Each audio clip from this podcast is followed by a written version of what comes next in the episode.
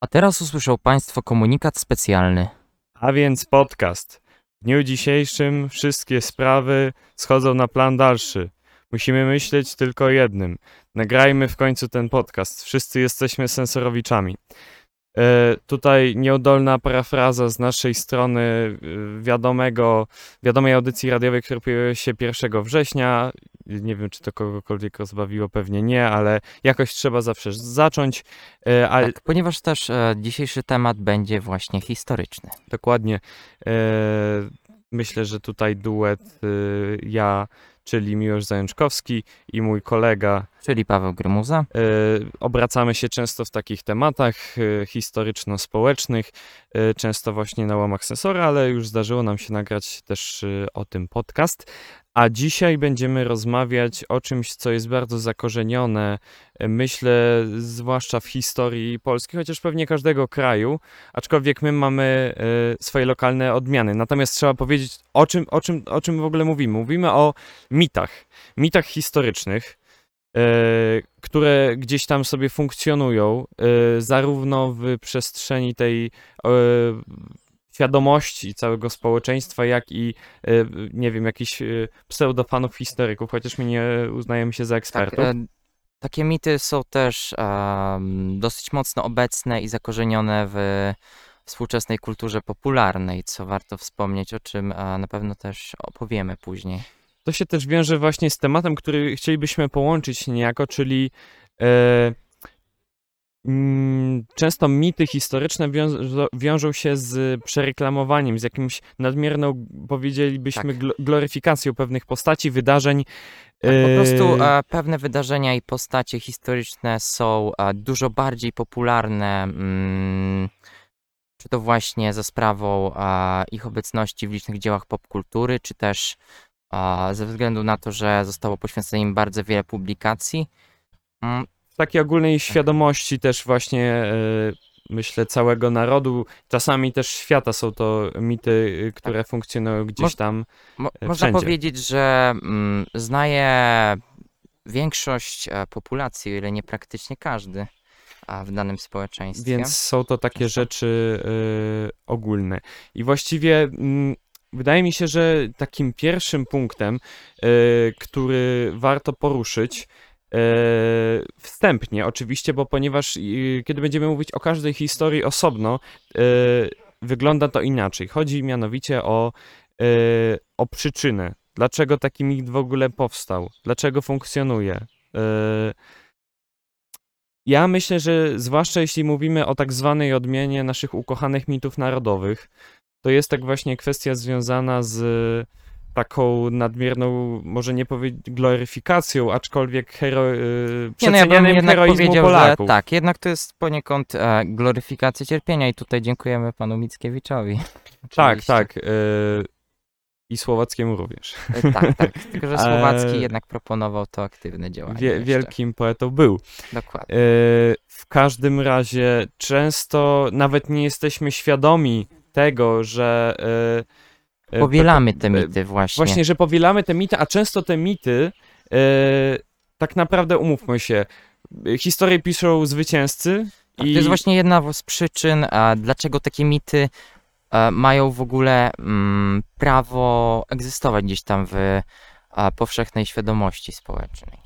często też nawet nie jesteśmy świadomi tego, że, e, że powielamy mity, które e, nawet jeśli, e, które stworzyły em, środowiska pewne polityczne, a czasem nawet aparaty propagandowe. e, I nie jesteśmy świadomi, że to tak wygląda. Aczkolwiek myślę, że każda historia ma swoje, ma swoje, ma swoje dno i przyczynę, więc o tym też będziemy mogli mówić. I wydaje mi się, że w, wydaje mi się, jestem pewien, że w pierwszej części zajmiemy się mitami, które gdzieś tam sami znaleźliśmy w internecie i uznaliśmy, że to są takie y, bardzo y, powszechne informacje i y, na których, z którymi spotykamy się y, dosyć często, a następnie przejdziemy do drugiej części, takiej bardziej może atrakcyjnej, bardziej może kontrowersyjnej. Myślę, że to jest dobre określenie, ponieważ będziemy komentować i oceniać opinie internautów, które wypowiedzieli się na właśnie na temat przereklamowanych takich wydarzeń Tak, po prostu historycznych. będziemy uważali się za elitarystów i wskażemy, czym można być zainteresowanym, a czego raczej należy Właśnie. unikać. I e, korzystając właśnie za pośrednictwem e, historycznego fanpage'a na Facebooku, historyczne memy, którego szczególnie polecamy. Ale zanim to, przejdźmy do e, wspomnianej wcześniej pierwszej części. E, Czyli przyczyn. dokładnie. E, tak, warto e, tutaj wspomnieć, że mity historyczne nie są e, jakimś wymysłem współczesności tylko i wyłącznie czy ostatnich 200 lat. Nie, one są dosyć mocno zakorzenione już od e, czasów starożytnych. Mm, może trochę z nowszej historii teraz podam przykład. To jak e, wcześniej mój przedmówca mówił, że część właśnie mitów kształtuje propaganda. W czasach I wojny światowej, przykładowo, dosyć popularnym mitem e, na zachodzie Europy, zwłaszcza w a Wielkiej Brytanii, Francji też to w Ameryce się przyniosło, był mit, jakoby Niemcy byli mm, bardzo bestialscy wobec podbijanych przez siebie narodów. E, Dawano tutaj bardzo obrazowe przykłady, takie jak na przykład a, rozcinanie mm, kobietom w ciąży brzuchów, czy nabijanie niemowląt na charakterystyczne niemieckie hełmy noszone wtedy przez e, właśnie żołnierzy armii niemieckiej. Mm, Cóż, o, no oczywiście mm, informacje te były nieprawdą, ale propaganda wykreowała na tyle mm, plastyczny po prostu e, obraz tych e, wszystkich domniemanych bestiactw, że jeszcze na długo po I wojnie światowej spora część społeczeństwa, czy to francuskiego, amerykańskiego i brytyjskiego, nie dość, że wierzyła właśnie w to, że tak napra- takie właśnie wydarzenie naprawdę miało miejsce, ale jeśli nawet, dajmy na to, nie wierzyła w to, to jednak nadal e, ugruntowywało się w nich to przekonanie, że Niemcy stanowią naród, który lubuje się w tym bestialstwie. To jest prawda. Myślę, że to skutkowało naprawdę y, dużymi y, reperkusjami. Tak, powiedzmy Związanymi- szkody wizerunkowe Szkody wizerunkowe, ale szkody wizerunkowe przekładały się tak naprawdę też na, na relacje y, między na relacje, a co za tym idzie szko- y, szkody gospodarcze, ponieważ y, w ten sposób, y, mając mit bestialskich Niemców, y, ten mit oczywiście powielił się też po, II wojnie światowej, chociaż tutaj wiadomo, powiemy też. jest to bardziej uzasadnione, aczkolwiek po I wojnie światowej no ciężko było na. Republice Weimarskiej ciężko. nawiązać relacje gospodarcze. Y, Artystom niemieckim przebić się na szersze wody z filmami, ze z sztuką. Nie, kultura niemiecka nie, nie była obecna w krajach właśnie takich jak Wielka Brytania, Stany Zjednoczone. Y, Trzeba też sobie powiedzieć, że wiadomo, że to jest właśnie mit wykreowany przez propagandę. Tutaj bardzo zmyślnie zostało to y, y, spreparowane, właśnie chociażby przedstawiając Niemców jako tych pierwotnych Germanów, te ludy germańskie, E, tak. dzikie. Jako e, Hunów, Germanów, bezwzględnych barbarzyńców. E, W ogóle porównywanie kogoś do barbarzyńców to jest taki zabieg, który bardzo propaganda wszelakich krajów e, uwielbia stosować, tak. E, tak, ale oczywiście przyczyny właśnie jeszcze powstawania mitów a, a, mogą być również inne. Tak jak już wspomnieliśmy, bardzo znaczącą rolę ma tutaj kultura popularna. E, Przede wszystkim właśnie teraz to filmy, a, jakieś seriale, książki. Często właśnie, gdy wychodzą jakieś teraz seriale mm, historyczne, no to zawsze znajdzie się jakieś, e, na szczęście lub też nie, grono krytyków, który spojrzy na to właśnie krytycznie i potrafi wypunktować błędy, jakieś imity powielane przy tym. No najczęściej niestety to są błędy związane z mapami. E, Bardzo często jest przedstawiane a, jakieś bardzo dziwne mapy, można powiedzieć takie Umowne geopolityczne bardzo. fanaberie, ale to bardzo mocno działa na wyobraźnię, bo potem spora część ludzi po prostu a, zakodowuje sobie taki wygląd, dajmy na to. To jest też kwestia tego, że we współczesnych firmach historycznych oczywiście musi pracować sztab, yy, za, znaczy nie musi, ale powinien pracować gdzieś tam zatrudniony sztab historyków, yy, konsul, konsultantów w tych kwestiach, aczkolwiek ym, jeśli mówimy o dokumentach jest wiadomo łatwiej, ale jeśli mówimy o kinie rozrywkowym, to ono rządzi się swoimi prawami i tam bardziej niż nad y, realizm historyczny ceni się po prostu y, komercję i dobry wygląd, wobec czego wygląd jakichś bohaterów, ich ubiór, stroje, dane wydarzenia, ich y, nawet zachowania postaci historycznej, no mogą być oczywiście podkolorowane, y, co oczywiście nie jest złe, bo to jest jakaś wizja reżyserska, aczkolwiek często są to po prostu no, błędy kardynalne. E, Tutaj poruszyłeś bardzo ważny, bo też kolejny właśnie argument, a czyli kolejną przyczynę, dlaczego mity są tak chętnie powielane. Ponieważ e, mity historyczne dużo lepiej, powiedzmy, sprzedają się, niżeli właśnie jakaś prawda. Powiedzmy sobie szczerze, co jest dużo, co był, jaki artykuł byłby dużo bardziej ciekawszy? Artykuł o Hitlerze wprowadzającym jakieś prawa dla zwierząt, czy artykuł o Hitlerze, który tłumaczy, że to była jakaś kwestia wtórna i Hitler w zasadzie miał te, nie były te prawa wprowadzone jakoś tak na zbyt dużą ilość gatunków, tylko one były właśnie ograniczone, a i że sam pomysł od niego do końca nie wyszedł.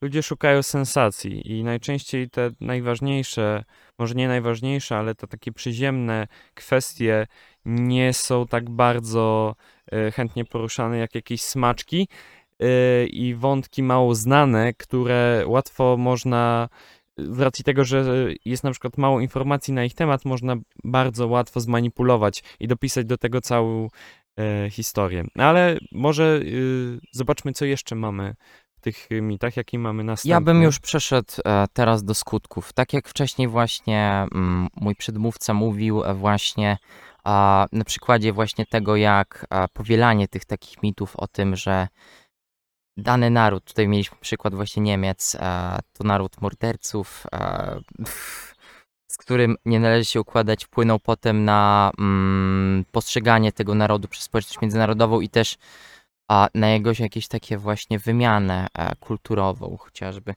E, to też właśnie warto wspomnieć, że no właśnie powielanie niektórych mitów może się skończyć e, właśnie tym, że ludzie, którzy nie potrafią ich zweryfikować, będą uznawali to za prawdę, a to często może skończyć się tragedią. No, niestety tutaj takim smutnym przykładem a, mm, była sytuacja właśnie Żydów, wokół których a, właśnie pojawiło się e, ogromnie dużo mitów, e, teorii spiskowych wszelkiej maści. Z e, tego właśnie powodu wybuchały często pogromy. Na przykład e, spora część społeczeństwa, nawet do gdzieś tak końca XIX wieku, wierzyła w to, że mm, Żydzi do, potrzebują e, na macę, czyli e, to było bodajże do... Chodzi o krwi, krew Tak, niewo- tak. Niemowlaków? potrzebują e, krwi, nie, krwi chrześci, chrześcijan, ochrzczonych niemowlaków Tak. do zrobienia chleba na macę. No Znaczy, i często to Mhm. tak, właśnie rozsiewanie takich plotek, tych mitów, a kończyło się właśnie chociażby pogromami.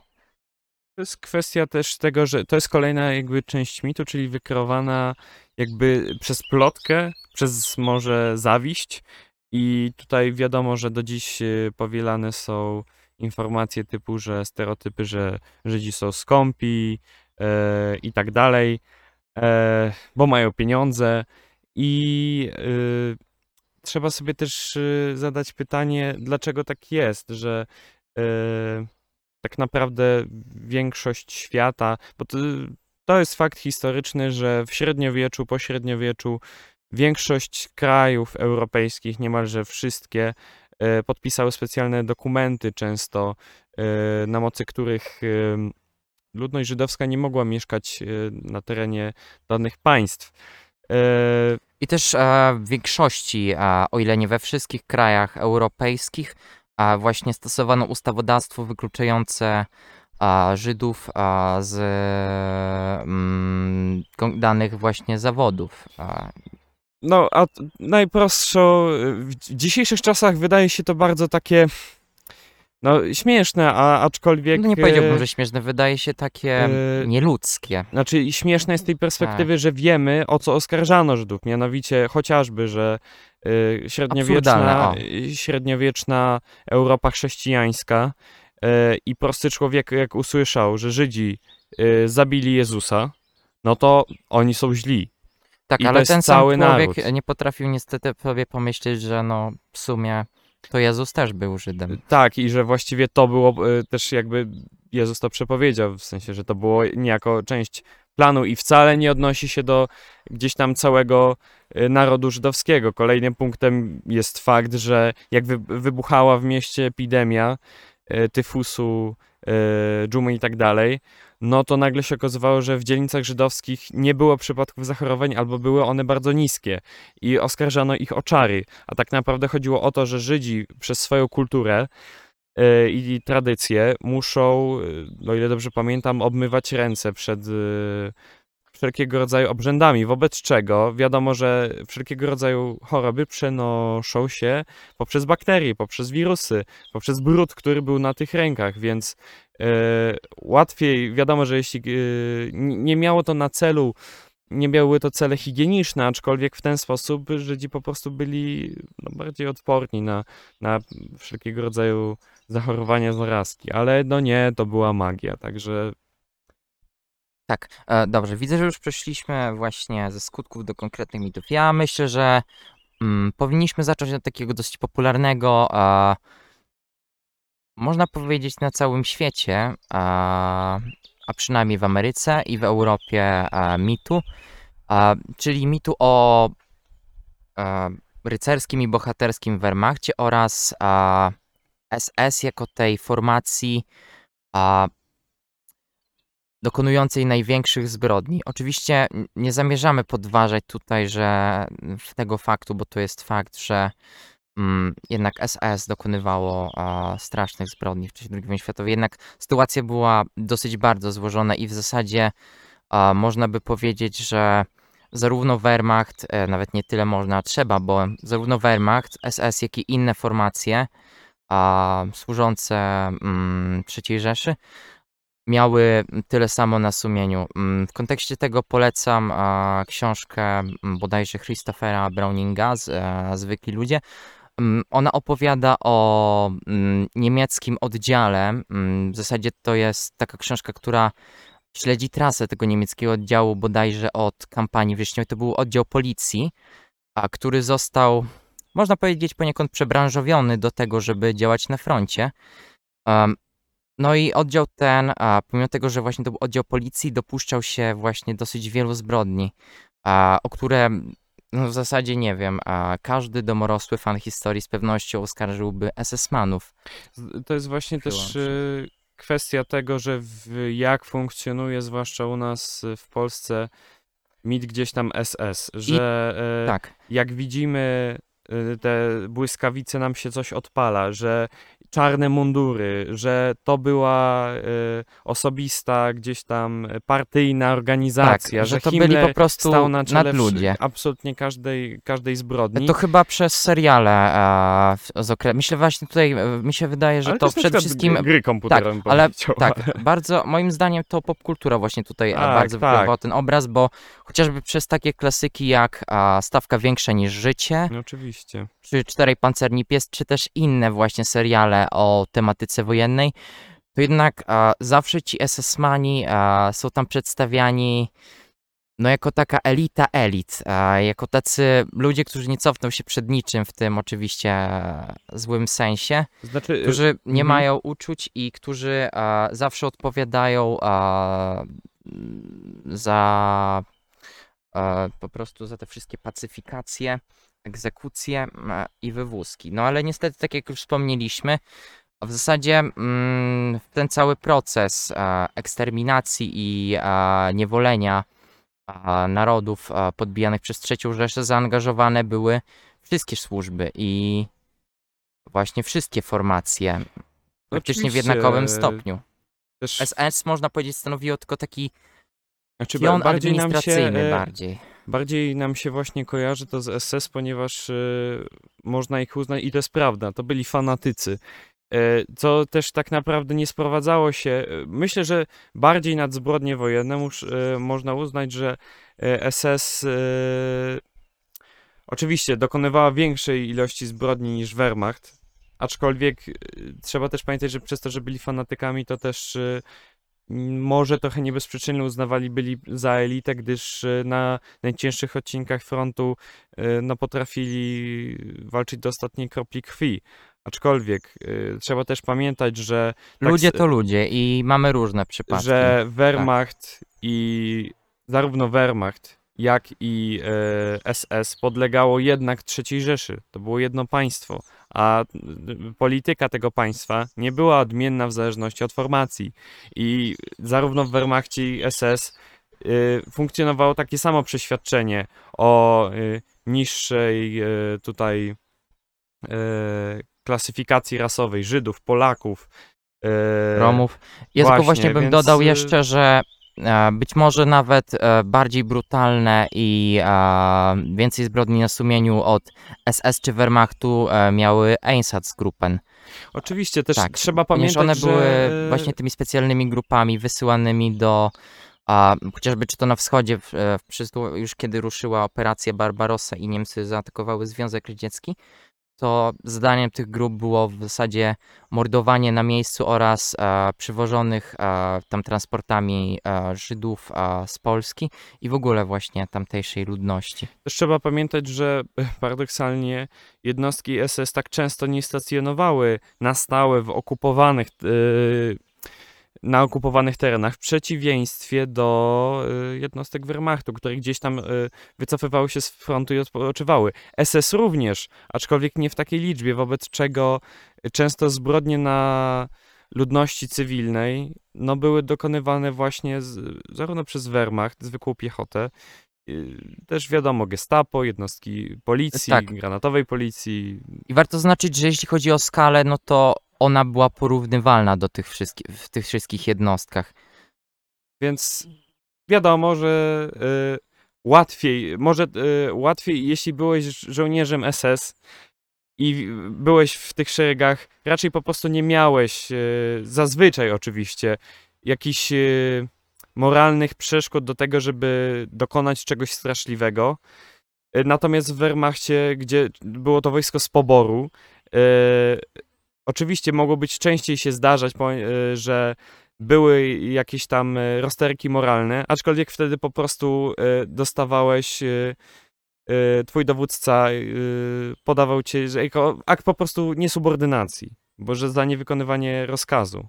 Ciekawy wątek, i, ale może przejdźmy już do E, następnego. Tak, ale ja bym nadal pozostał jednak w Niemczech, tylko cofnąłbym się o kilka, kilkanaście lat do tyłu i powrócił do Wielkiej Wojny, czyli I wojny światowej, ponieważ a, w głowach właśnie wielu ludzi nadal ugruntowane jest przekonanie, że za I wojnę światową, tak samo jak za drugą, zresztą to też była przyczyna właśnie, bo to mm, druga wojna spowodowała, że to przekonanie utwierdziło się, że za I wojnę światową odpowiedzialni są Niemcy przede wszystkim Niemcy. Tutaj właśnie mamy też taki idealny, klasyczny przykład tego, jak to historię piszą zwycięzcy. I może wytłumaczmy, dlaczego nie powinno się obwiniać tylko Niemców, ale w zasadzie całą Europę o to, że dążyła do wojny. No właśnie, trzeba sobie powiedzieć, że końcówka XIX wieku i początek XX wieku to był czas intensywnych zbrojeń całej, wyścigu zbrojeń całej Europy i właściwie napięcia związane z sytuacją polityczną, gospodarczą, e, ponieważ e, rozwój kolonialny e, państw europejskich, rozwój gospodarczy doprowadził do powstawania faktycznych mocarstw, gdzie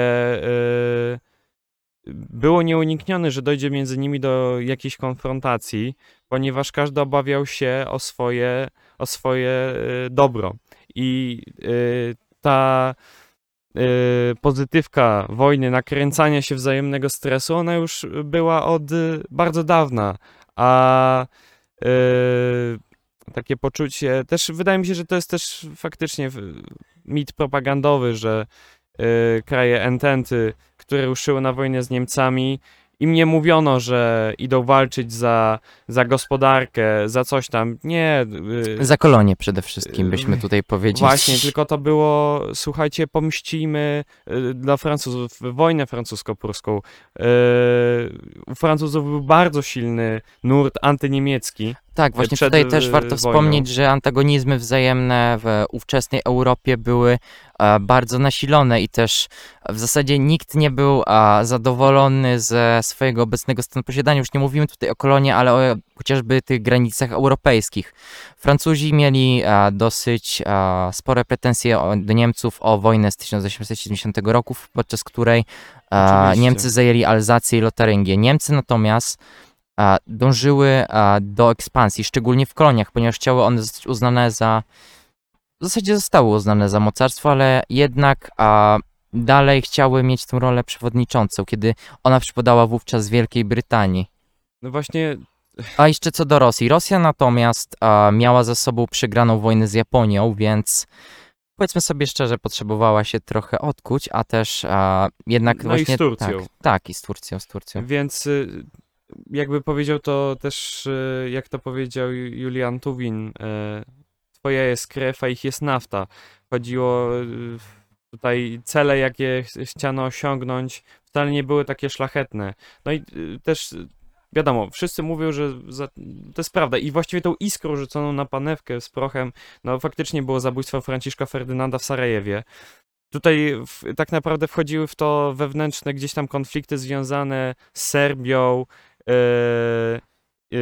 imperium właśnie austro-węgierskim. Tutaj też wydaje mi się, że no ta reperkusja gdzieś tam e, związana z, z, że to Niemcy stworzyli, e, doprowadzili do I wojny światowej, tak samo do II. To samo się powtórzyło, że konsekwencje spadły na oczywiście na Niemcy, ale już e, e, Węgrzy, Austriacy, e, inne kraje, które walczyły po stronie państw centralnych, wcale tak, tak bardzo nie ucierpiały w wyniku e, gdzieś tam postanowień. A, tak, e, no to pozostając jeszcze w tematach oczywiście mitów historycznych, ale mitów dotyczących właśnie chociażby państw e, centralnych, to warto jeszcze się przyjrzeć mitom, które narosły wokół Włochów, którzy są powszechnie uważani przez też wielu domorosłych historyków e, oraz e, w powszechnej świadomości wielu społeczeństw europejskich takie przekonanie się utrwaliło, że Włosi to tchórze i zdrajcy. Wiąże się to z tym, że a państwo włoskie, albo przynajmniej jakaś jego część, ponieważ w II wojnie, podczas II wojny światowej to było trochę bardziej skomplikowane, ale mm, zmieniało po prostu w pewnym momencie stronę konfliktu, zarówno podczas I, jak i II wojny światowej. Właśnie często funkcjonował y, w czasie I wojny światowej wśród żołnierzy taki żart, że po co istnieje armia włoska? Po to, żeby y, Francuzi i Austriacy mogli z kimś wygrać. W teorii y, wyglądało to tak, jakby armia włoska przedstawiała, nie przedstawiała żadnych wartości bojowych, a tak naprawdę trzeba pamiętać, że zarówno bo ten mit bardziej y, też dotyczy, rozpowszechnił się w czasie I wojny światowej, y, aczkolwiek pokutował później ze zdwojoną siłą na wojnę drugą światową. Trzeba przyznać, że oczywiście jest to, jest to nieprawda, ponieważ zarówno w przypadku I wojny światowej krwawe walki, jakie Włosi stoczyli właśnie z Austriakami, e, Austro-Węgrami właściwie, w Alpach, e, czy też na innych odcinkach frontu były naprawdę bardzo ciężkie i burzliwe, zarówno przez charakter, ukształtowanie terenu e, walk, jak też e, świetne okopanie i przygotowanie się obu stron. Walki toczyły się na cienkich e, przełęczach. A właśnie mm, tutaj warto wspomnieć, że przez praktycznie właśnie ten cały czas tych walk w Alpach to a, Włosi utrzymali e, wówczas swoje pozycje.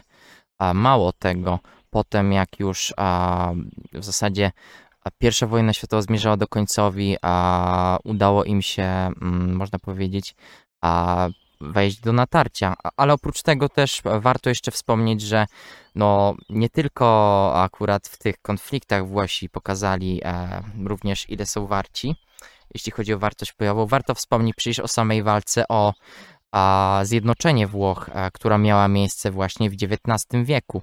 a, mm, gdzie mm, dzięki a, właśnie wspólnemu wysiłkowi a, mm, właśnie społeczeństw tych e, państw włoskich, e, czy państw znajdujących się na Półwyspie Apenińskim, a dzięki wspólnemu wysiłkowi politycznemu i militarnemu udało się wtedy Włochom uzyskać tereny, które mm, właśnie pokrywały się poniekąd z, z terenami, które współcześnie jest, posiada e, Republika Włoska.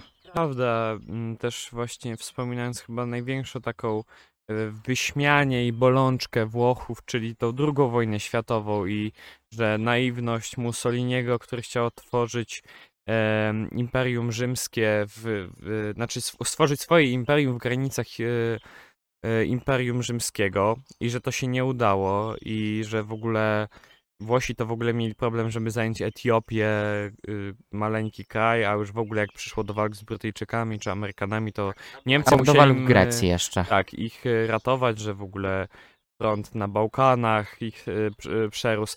To jest wszystko prawda.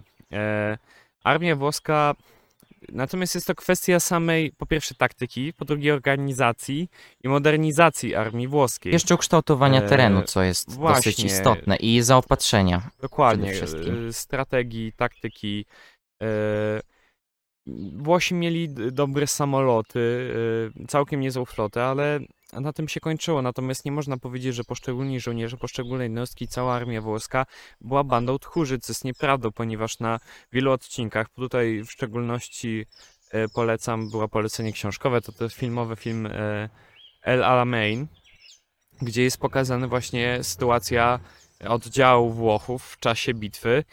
I faktycznie oni byli osamotnieni, nie mieli wody, nie mieli amunicji i tak dalej, ale sami żołnierze y, tak chętnie nie podnosili w, wcale rąk y, ku górze i często walczyli do ostatniej kropli krwi. To y, może byli łatwiejszym przeciwnikiem niż Afrika Korps, niż Niemcy później, ale to wcale nie oznacza, że w czasie II wojny światowej wcale nie stanowi żadnego zagrożenia, bo no, gdyby tak było, to wojna nie trwałaby w Afryce Północnej, na Sycylii i na samym Półwyspie Apenińskim y, no Do tyle czasu. 43 bodajże roku. Tak. Więc myślę, że też można w- włożyć y, tchórzliwych Włochów między, Między bajki. Tak. A ja jeszcze tylko tak na szybkości wspomnę, jeszcze wracając do tego XIX wieku, że warto jeszcze pamiętać, że Włosi mieli znaczny udział w wydarzeniach Wiosny Ludów, a później, po odzyskaniu niepodległości przez Włochy, wielu Włochów, w tym a, sam Giuseppe Garibaldi, czyli można powiedzieć jeden z ojców właśnie a, współczesnych Włoch, znaczy nie tyle współczesnych, co po prostu tak, w sumie państwa włoskiego, zjednoczonego, a dosyć a, właśnie brało udział w walkach o niepodległość w wielu krajach Ameryki Łacińskiej. No ale jeszcze pozostając w tych klimatach dwudziestowiecznych, do których troszeczkę teraz przyszedłem, to dosyć często spotykamy się również z twierdzeniem, że Związek Radziecki wygrałby bez niczyjej pomocy wojnę z III Rzeszą. I oprócz tego, że trzecia Rzesza, to jeszcze tak połączę, została przede wszystkim pokonana przez generała Zimę. To jest oczywiście nieprawda, ponieważ e, Związek Radziecki w krytycznym momencie tak naprawdę szykowano się y, już na totalną klęskę. Warto wspomnieć, że wojska niemieckie znajdowały się zaledwie kilka, kilkanaście kilometrów od Placu Czerwonego, centrum Moskwy. Tak, a jeszcze zagrożone były złoża ropy naftowej, bez której a, radziecka machina wojenna nie mogłaby po prostu działać na Kaukazie. Umówmy się, y, na konferencjach, jakie były zwoływane Wielkiej Trójki, e, tych wiadomo początkowych, to Stalin, jego głównym, e, głównym e, celem było nakłonić Stany Zjednoczone i Wielką Brytanię do utworzenia drugiego frontu w Europie, e, ponieważ on nie dawał rady. Dopiero po klęsce Niemców pod Stalingradem e, to właściwie y, odwróciły się trochę role, aczkolwiek trzeba przyznać, że Ta osoba zaczęła po prostu rozdawać wtedy Właśnie, karty. e, że nie wa- warto, znaczy nie możemy zapominać o, o, Tak, o Lend-Lease, o nazywał umowie Lend-Lease. Lend-Lease, która z, właściwie za pomocą tej e, umowy e, Wielka Brytania, a głównie Stany Zjednoczone wysłały tak gigantyczne ilości wsparcia e, e, Związkowi Radzieckiemu i mówimy tutaj o wszystkim, od pojazdów, czołgów, Poprzez smarów, e, surowce poprzez do zaopatrzenia surowce, właśnie. e, I amunicję zwykłe jeszcze, tak. konserwy, chlebaki, wszystko robili. Nawet karabiny Mossina były produkowane w Stanach Zjednoczonych. Więc e, e, oczywiście e, Związek Radziecki, najwyżsi dygnitarze nie przyznali się przed, nie przyznawali się przed e, narodem, że oni no, muszą prosić o to wsparcie od innych krajów. I ja nie chcę przywoływać, ponieważ to jest e, no, dosyć e, e, wulgarne, w jaki sposób tłumaczyli na przykład swoim żołnierzom, to znaczy napis USA na e, czołgach, które dostają. Powiem, że UBJ, tutaj wulgarne słowo na S, Adolfa, a nie żadne tam United States, America, coś tam. No nie, więc e, to wcale nie było takie proste. E, trzeba też wspomnieć, że e, charakter, jaki miała Wielka Wojna Ojczyźniana, to znaczy, że w pewnym momencie został wydany ten słynny rozkaz ani kroku wstecz, że ten fanatyzm i też siła, nacisk, jaki był wywierany na radzieckich generałach, to spowodowało, że y, y, że Niem Niemcom ciężko było y, poruszać się dalej, a po, co do zimy. To prawda, że Niemcy nie spodziewali się, że kampania zajmie im tak długo, ale umówmy się, u nich przez to, że zabrnęli tak szybko, to e, rozciągnęły im się Linie linie transportowe. Tak, właśnie tutaj można zobaczyć taką analogię, bo Związek Radziecki właśnie stały miał ten dopływ zaopatrzenia, natomiast Niemcy przez to, że niemiłosiernie rozciągnęli linię frontu, mieli znaczne problemy z zaopatrzeniem tych oddziałów, które mm, stacjonowały na przedzie i parły właśnie dalej w głąb Rosji. No właśnie też y, się ym, są te zastanowienia, czy wiadomo, że głównymi celami był Leningrad, Moskwa i Kaukaz, czyli później przerodzony w, w bitwę stalingradzką. Jest też pytanie, czy na pewnych tych odcinkach frontu utrzymywanie tak dużych liczb żołnierzy i pochłanianie tyle zasobów było słuszne, jakby chociażby w Leningradzie, które miasto było oblężone przez kilka lat. E, właściwie tylko dlatego, że e, że to miasto było pewnym symbolem, podobnie zresztą jak Stalingrad, chociaż tutaj też jest to kolejny mit, że Stalingrad, y, bitwa o Stalingrad była tylko dlatego, że, E, tak, że tutaj się w- nazywało tak. miasto imienia Stalina. A tutaj wiadomo, akurat w grę wchodziły tak, właśnie złoża a, ropy na Kaukazie oraz a, dostęp do mm, interioru Rosji, a, gdzie przyniesiono większość fabryk właśnie wtedy. Dobrze, ale przechodząc do Dokładnie. następnego przykładu, to też warto tutaj wspomnieć, że no, niektóre mity historyczne leżą e, często u podstaw e, właśnie jakichś takich państwotwórczych, to też dotyczą najważniejszych, najistotniejszych momentów dla danego państwa i Takim przypadkiem jest chociażby osławiony szturm na Bastylię, a, który miał miejsce w trakcie rewolucji francuskiej. To jest prawda, on jest bardzo wspaniale tak, on jest, on jest często e, bardzo mm, gloryfikowany. gloryfikowany i idealizowany w, właśnie w filmach, w grach. A, Myślę, że każdy widział w swoim podręczniku do historii. Zawsze jest umieszczone piękne zdjęcie, znaczy zdjęcie, przepraszam, obraz, na którym lud y, Paryża szturmuje Bastylię, że ta Bastylia płonie, są wybuchy, ludzie biegną, strzelają, że to jest w ogóle no, niesamowita bitwa. No tymczasem historia miała, y, wyglądała trochę inaczej i po pierwsze, Bastylii w ogóle można się było obyć bez szturmu, co więcej, nawet nie było sensu jej szturmowania. To jest y, też k- właśnie kwestia tego, że y, to, co o tym będziemy też mówić, myślę, w następnej części. y, y, Natomiast y, odnośnie Polaków, że tak dla Francuzów jest to wydarzenie bardzo symboliczne i dla nich ma ogromny charakter, wobec czego urosło do takiej rangi, e, że zdobycie Bastylii, twierdzy górującej nad Paryżem, było, e, było, miało taki symboliczny oczywiście charakter. Aczkolwiek e, trzeba pamiętać, że rewolucjoniści, lud Francji spodziewał się, że w Bastylii zastanie po pierwsze więźniów politycznych, którzy zostali aresztowani za swoje poglądy, tak? e, a dodatkowo broń, ponieważ Bastylia oprócz więzienia była też twierdzą.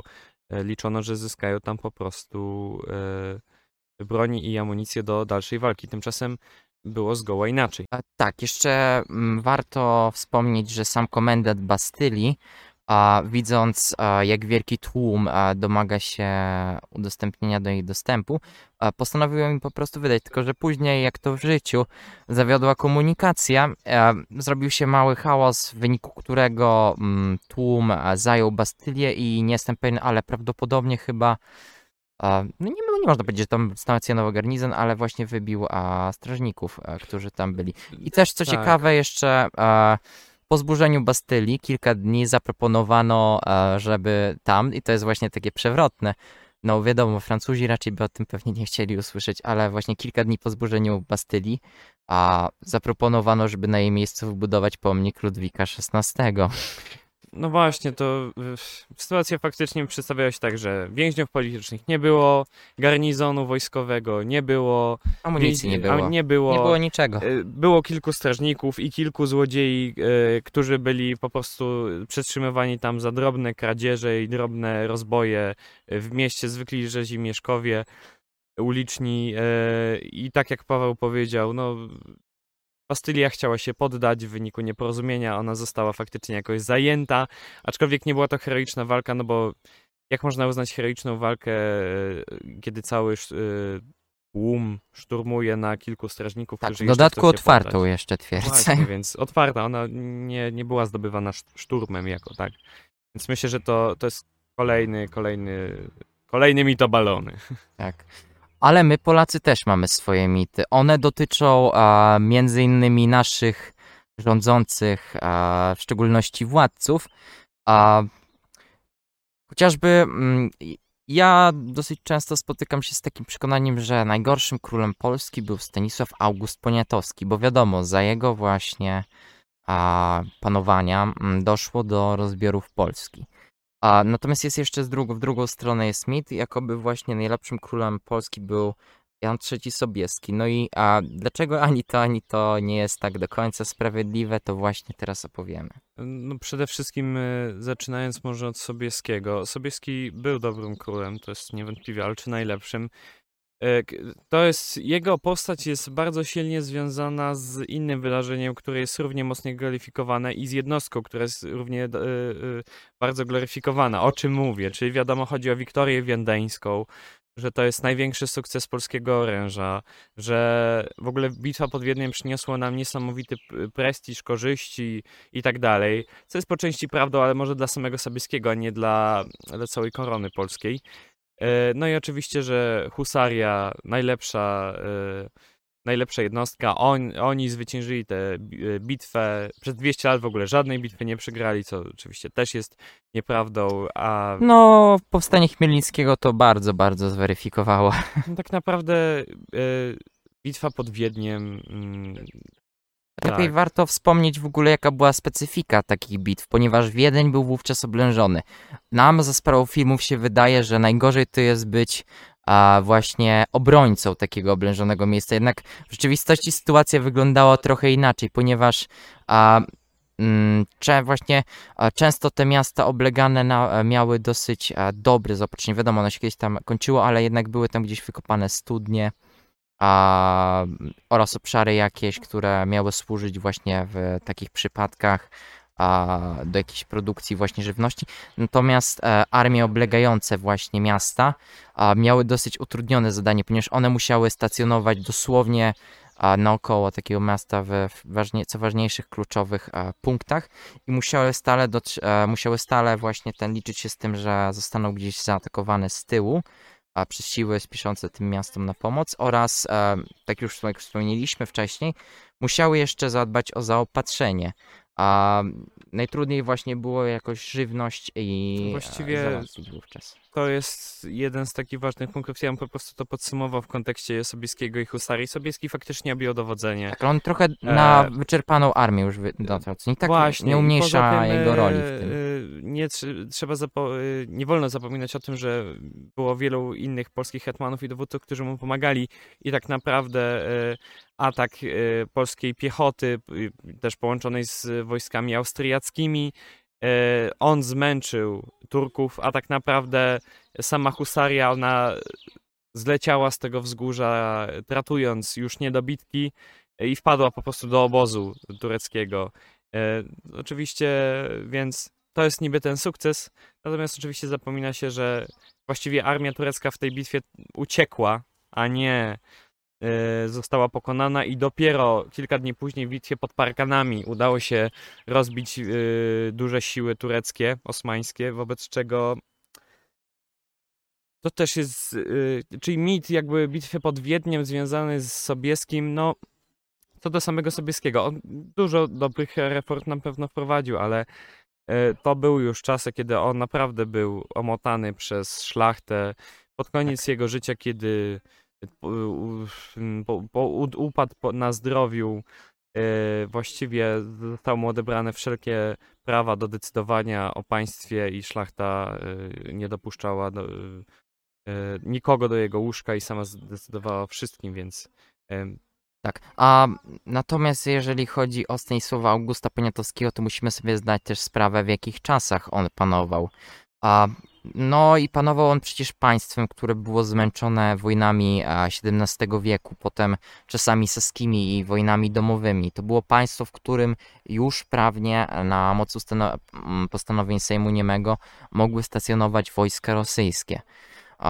To było państwo, które było, można powiedzieć, wewnętrznie skłócone. Ono było niewydajne pod względem ekonomicznym w wielu aspektach. A dlaczego mówię, że wewnętrznie skłócone? To dał przykład tego takie wydarzenia jak Konfederacja Barska czy Konfederacja Targowicka, kiedy a, właśnie część szlachty a, poparła właśnie jedną, część drugą. Co prawda wiadomo, to były a, dwie różne konfederacje, które dzieli a, kilka dziesięcioleci. Jednak a, chociażby właśnie przy samej Konfederacji Targowickiej, kiedy właśnie już wchodziły te w życie reform 3 maja, to widać właśnie było, a, mm, jak bardzo podzielone jest to a, społeczeństwo polskie. Jeśli- Tutaj mówiąc społeczeństwo, mam na myśli oczywiście szlachtę, bo też oni e, grali pierwsze skrzypce. Trzeba powiedzieć, że to jest główną, główną taką winą, która obarcza się Poniatowskiego, to jest właśnie sytuacja w kraju. Trzeba przyznać, że on trochę. On przybył do kraju, znaczy przybył do kraju. On został wybrany w momencie, kiedy s- Polska już no, faktycznie miała po prostu bardzo złą sytuację polityczną, y, gospodarczą, wojskową. E, Tak naprawdę jego poprzednicy, Auguści, Augustowie, oni bardziej właściwie namotali niż, niż on. Trzeba przyznać, że nie był królem, który bardzo interesował się może aż tak bardzo wojskiem. E, Na pewno znany jest jako Tak, ale właśnie warto mecenas. zaznaczyć, że on dbał jednak o rozwój intelektualny w kraju. Właśnie w czasach Stanisławowskich przecież właśnie mm, tak, Stało kolegium stało Nobilum, kolegium Nobilum, e, szkoła szkoła rycerska, rycerska właśnie, biblioteki. tak, biblioteki Narodowa. e, Załuskich. Tak. e, Więc e, część osób podważa nawet i to. Ciężko jest w dzisiejszych czasach do końca stwierdzić i myślę, że też e, e, jestem przy, myślę, że decyzje, które on podejmował y, nie były na pewno nie myślał w ten sposób, że e, może był naiwny, ale na pewno nie starał się celowo doprowadzić do rozbiorów Polski. No, Konstytucja 3 maja jest na tego najlepszym dowodem. On chciał się odciąć trochę tej Rosji. Może faktycznie się przestraszył tego, ale Tak, się przestraszył e, potem przystąpił do odciął się Konfederacji, myślę też dlatego, że liczył na to, że jeśli przystąpi do tej Konfederacji będą łagodniejsze e, będą łagodniejsze skutki prostu, i że e, Polska jakkolwiek pozostanie na mapie. Tak. A jeśli trwałby do końca, to że skończyłoby się to tragicznie. Skończyło się i tak źle, aczkolwiek y, moim zdaniem największy ból, czyli obwinianie, że rozbiory Polski i to, co się stało w Polsce jest winą tylko i wyłącznie jednej osoby, no jest, no jest pomyłką, to tak nie wygląda. Tak, to jest właśnie mm, taka zasadnicza sprawa. I na pewno dałoby się znaleźć Tak wielu, wielu, wielu, wielu, wielu, wielu innych e, władców, którzy byliby gorsi niż e, Zdecydowanie. Stanisław. Co, osta- Tak, ostatni A os- mit tak, może? o, to przejdziemy teraz do czegoś bardzo kontrowersyjnego, albo mniej, zależy e, jak ktoś to odczytuje. Otóż mit, jakoby średniowiecze było mm, najbardziej zacofaną epoką w historii ludzkości. Przede wszystkim może zacznijmy od tego, ale- że na wstępie powinien pojawić się zasadniczy problem i zasadnicza myśl każdemu, e, kto próbuje taką rzecz stwierdzić, ponieważ średniowiecze to jest okres, który trwa blisko albo nawet ponad tysiąc lat i trzeba tutaj wyraźnie rozdzielić po prostu e, po niektóre okresy. My nie będziemy teraz tego periodyzowali, bo to też jest mm, często kwestia umowna. Niektóre procesy szybciej się w poszczególnych krajach adaptowały, w innych nie. No ale jednak e, nie można powiedzieć zupełnie, że średniowiecze a było właśnie mm, tymi ciemnymi wiekami, tą e, ciemną kartą w historii ludzkości, gdzie nic się nie działo, a przynajmniej nic dobrego. No, Z tego, co wydaje mi się, to trochę mniej niż tysiąc lat, to średniowiecze. No mniej, ale nie blisko. E, natomiast y, też warto powiedzieć o tym, że dlaczego średniowiecze zostało tak bardzo e, przyczyna naznaczone, ponieważ e, następną epoką, która się narodził, był renesans. I e, to właśnie mm, potomkowie, e, gdzieś tam spadkobiercy średniowiecznej Europy, idąc z nowym, e, now, nowymi nurtami, myśląc bardziej o człowieku, e, nad tym e, antropocentryzmem i idąc drogą nauki, rozumu myślenia, to oni nazwali, to tak oni tak bardzo naznaczyli tą epokę, uznawając za wieki ciemne, za kartę historii, która nie przyniosła nic dobrego i to właśnie oni e, poprzez ten światłoblask e, nowych idei e, rozświetlą te mroki, które gdzieś tam wprowadziło średniowiecze. Faktycznie ciężko, ciężko jest powiedzieć, że przez kilkaset lat nic się nie, nic się nie stało, bo mm, nic się nie zmieniło, albo nawet było gorzej. Oczywiście, gdzieś tam, jeśli mówimy, że Kościół był dominującą siłą i przez to e, manipulował wszystkimi, trochę tak, aczkolwiek trzeba powiedzieć, że był to ogromny rozwój w dziedzinach filozofii, również e, właśnie e, zapoczątkowany przez duchownych, przez zakonników. To był duży rozwój nauki, powstanie uniwersytetów w całej Europie, również oczywiście w Polsce. To był wielki rozwój nauki, chociażby wynalezienie e, uprzęży końskiej. Jak to wyglądało w E, Tak, jeszcze ja bym dodał, Mhm. że dosyć istotną kwestią e, tutaj e, jest to, że mm, bardzo rozwinęło się wówczas rolnictwo. A, tak, dokładnie. dwójpolówka, trójpolówka, a, co pozwoliło a, dzięki temu, że mm, można było wytwarzać więcej żywności, a zaczęła zwiększać się powolutku, może nie w takim stopniu, jak to miało miejsce w XIX czy XX e, wieku, ale zaczęła się zwiększać właśnie liczba ludności za sprawą tego, że opracowano nowe metody właśnie uprawy ziemi. E, Właśnie, więc e, chociażby to, młyny też, e, całe wiatraki, to też jest wynalazek średniowiecza. Nie zapominajmy, że kultura średniowiecza nie opiera się tylko na ktoś namalował aniołka i nie podpisał się, bo to jest dla Boga. No, monumentalne konstrukcje architektoniczne, dzieła, freski, które powstały, no to jest coś fantastycznego. To właściwie e, e, budzi aż e, nawet grozę i też e, średniowiecze zostało tak naznaczone właśnie przez, przez następne wieki, tak, że e, to jest wiek choroby, dżumy i e, że oni byli głupi, bo nie zauważyli, że, że to chodzi o zarazki, tak. No, rozwój nauki idzie stopniowo. Dodatkowo, że e, mówi się często o e, przeszły do języka na stałe takie zwroty jak jesień średniowiecza czy średniowieczne tortury. Tak naprawdę większość na przykład machin, tych tortur, narzędzi tortur pochodzi z renesansu. Natomiast im ciężko chyba byłoby się przyznać w tamtych czasach, że łatwiej było odrzucić, że to jest wynalazek poprzedniej epoki.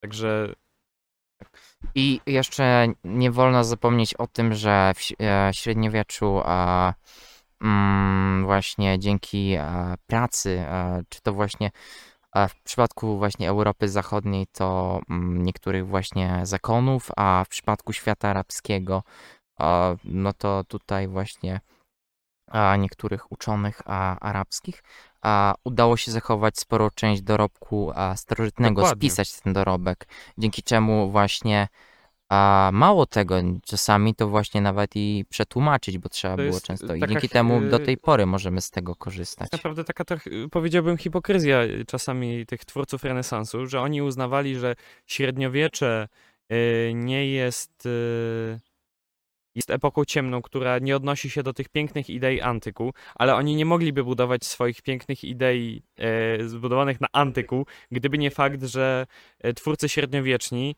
e, i właściwie, no wiadomo, e, wykształceni ludzie z, ze średniowiecza przechowali im, e, zachowali to dziedzictwo starożytnego Rzymu. Też warto wspomnieć, że e, średniowieczni e, mnisi, filozofowie, e, święty Franciszek, święty Tomasz, oni bazowali e, swoje poglądy filozoficzne, doda, dodając do tego element chrześcijański, ale jednak na poglądach Sokratesa, Arystotelesa, e, także to nie jest też ten sposób. No i wiadomo też, że zakony pełniły tutaj funkcję edukacyjną. Myślę, że szkoły przykościelne, przyklasztorne, nauka gdzieś tam w jakimś stopniu czytania i pisania. Nie jest tak, że cała Europa była niepiśmienna. Nawet jeśli to będzie 90%. No A to też, to e, jest- też ja mam tutaj też taką bardzo kontrowersyjną myśl, bo pewnie niektórzy będą e, tutaj e, powiedzą, że dobrze, średniowiecze nie jest zacofane, a drudzy powiedzą, że jest, jeżeli to wypowiem, ale e, w, właśnie w XIII i w XIV e, wieku zaczęły się rozwijać takie pierwociny e, systemu kapitalistycznego, a szczególnie właśnie Oczywiście. e, na Półwyspie Apenińskim, ze Tak. względu na to, że no trochę tam było tych mniejszych, większych, ale raczej więcej tych mniejszych państewek, co wymuszało na nich a właśnie mm, prowadzenie handlu. No i Stąd to też właściwie pomogło wykształcić się właśnie e, powoli systemowi e, kapitalistycznemu. system kapitalicz- kapitalistyczny leży też trochę u podnóża e, tutaj odnośnie Włoch właśnie mafii, jak powstała mafia, to jest zupełnie inny temat, aczkolwiek to wyszło właśnie od możnowładców, którzy mieszkali na tamtym terenie i dysponowali jakimś kapitałem i ten kapitał pomnażali.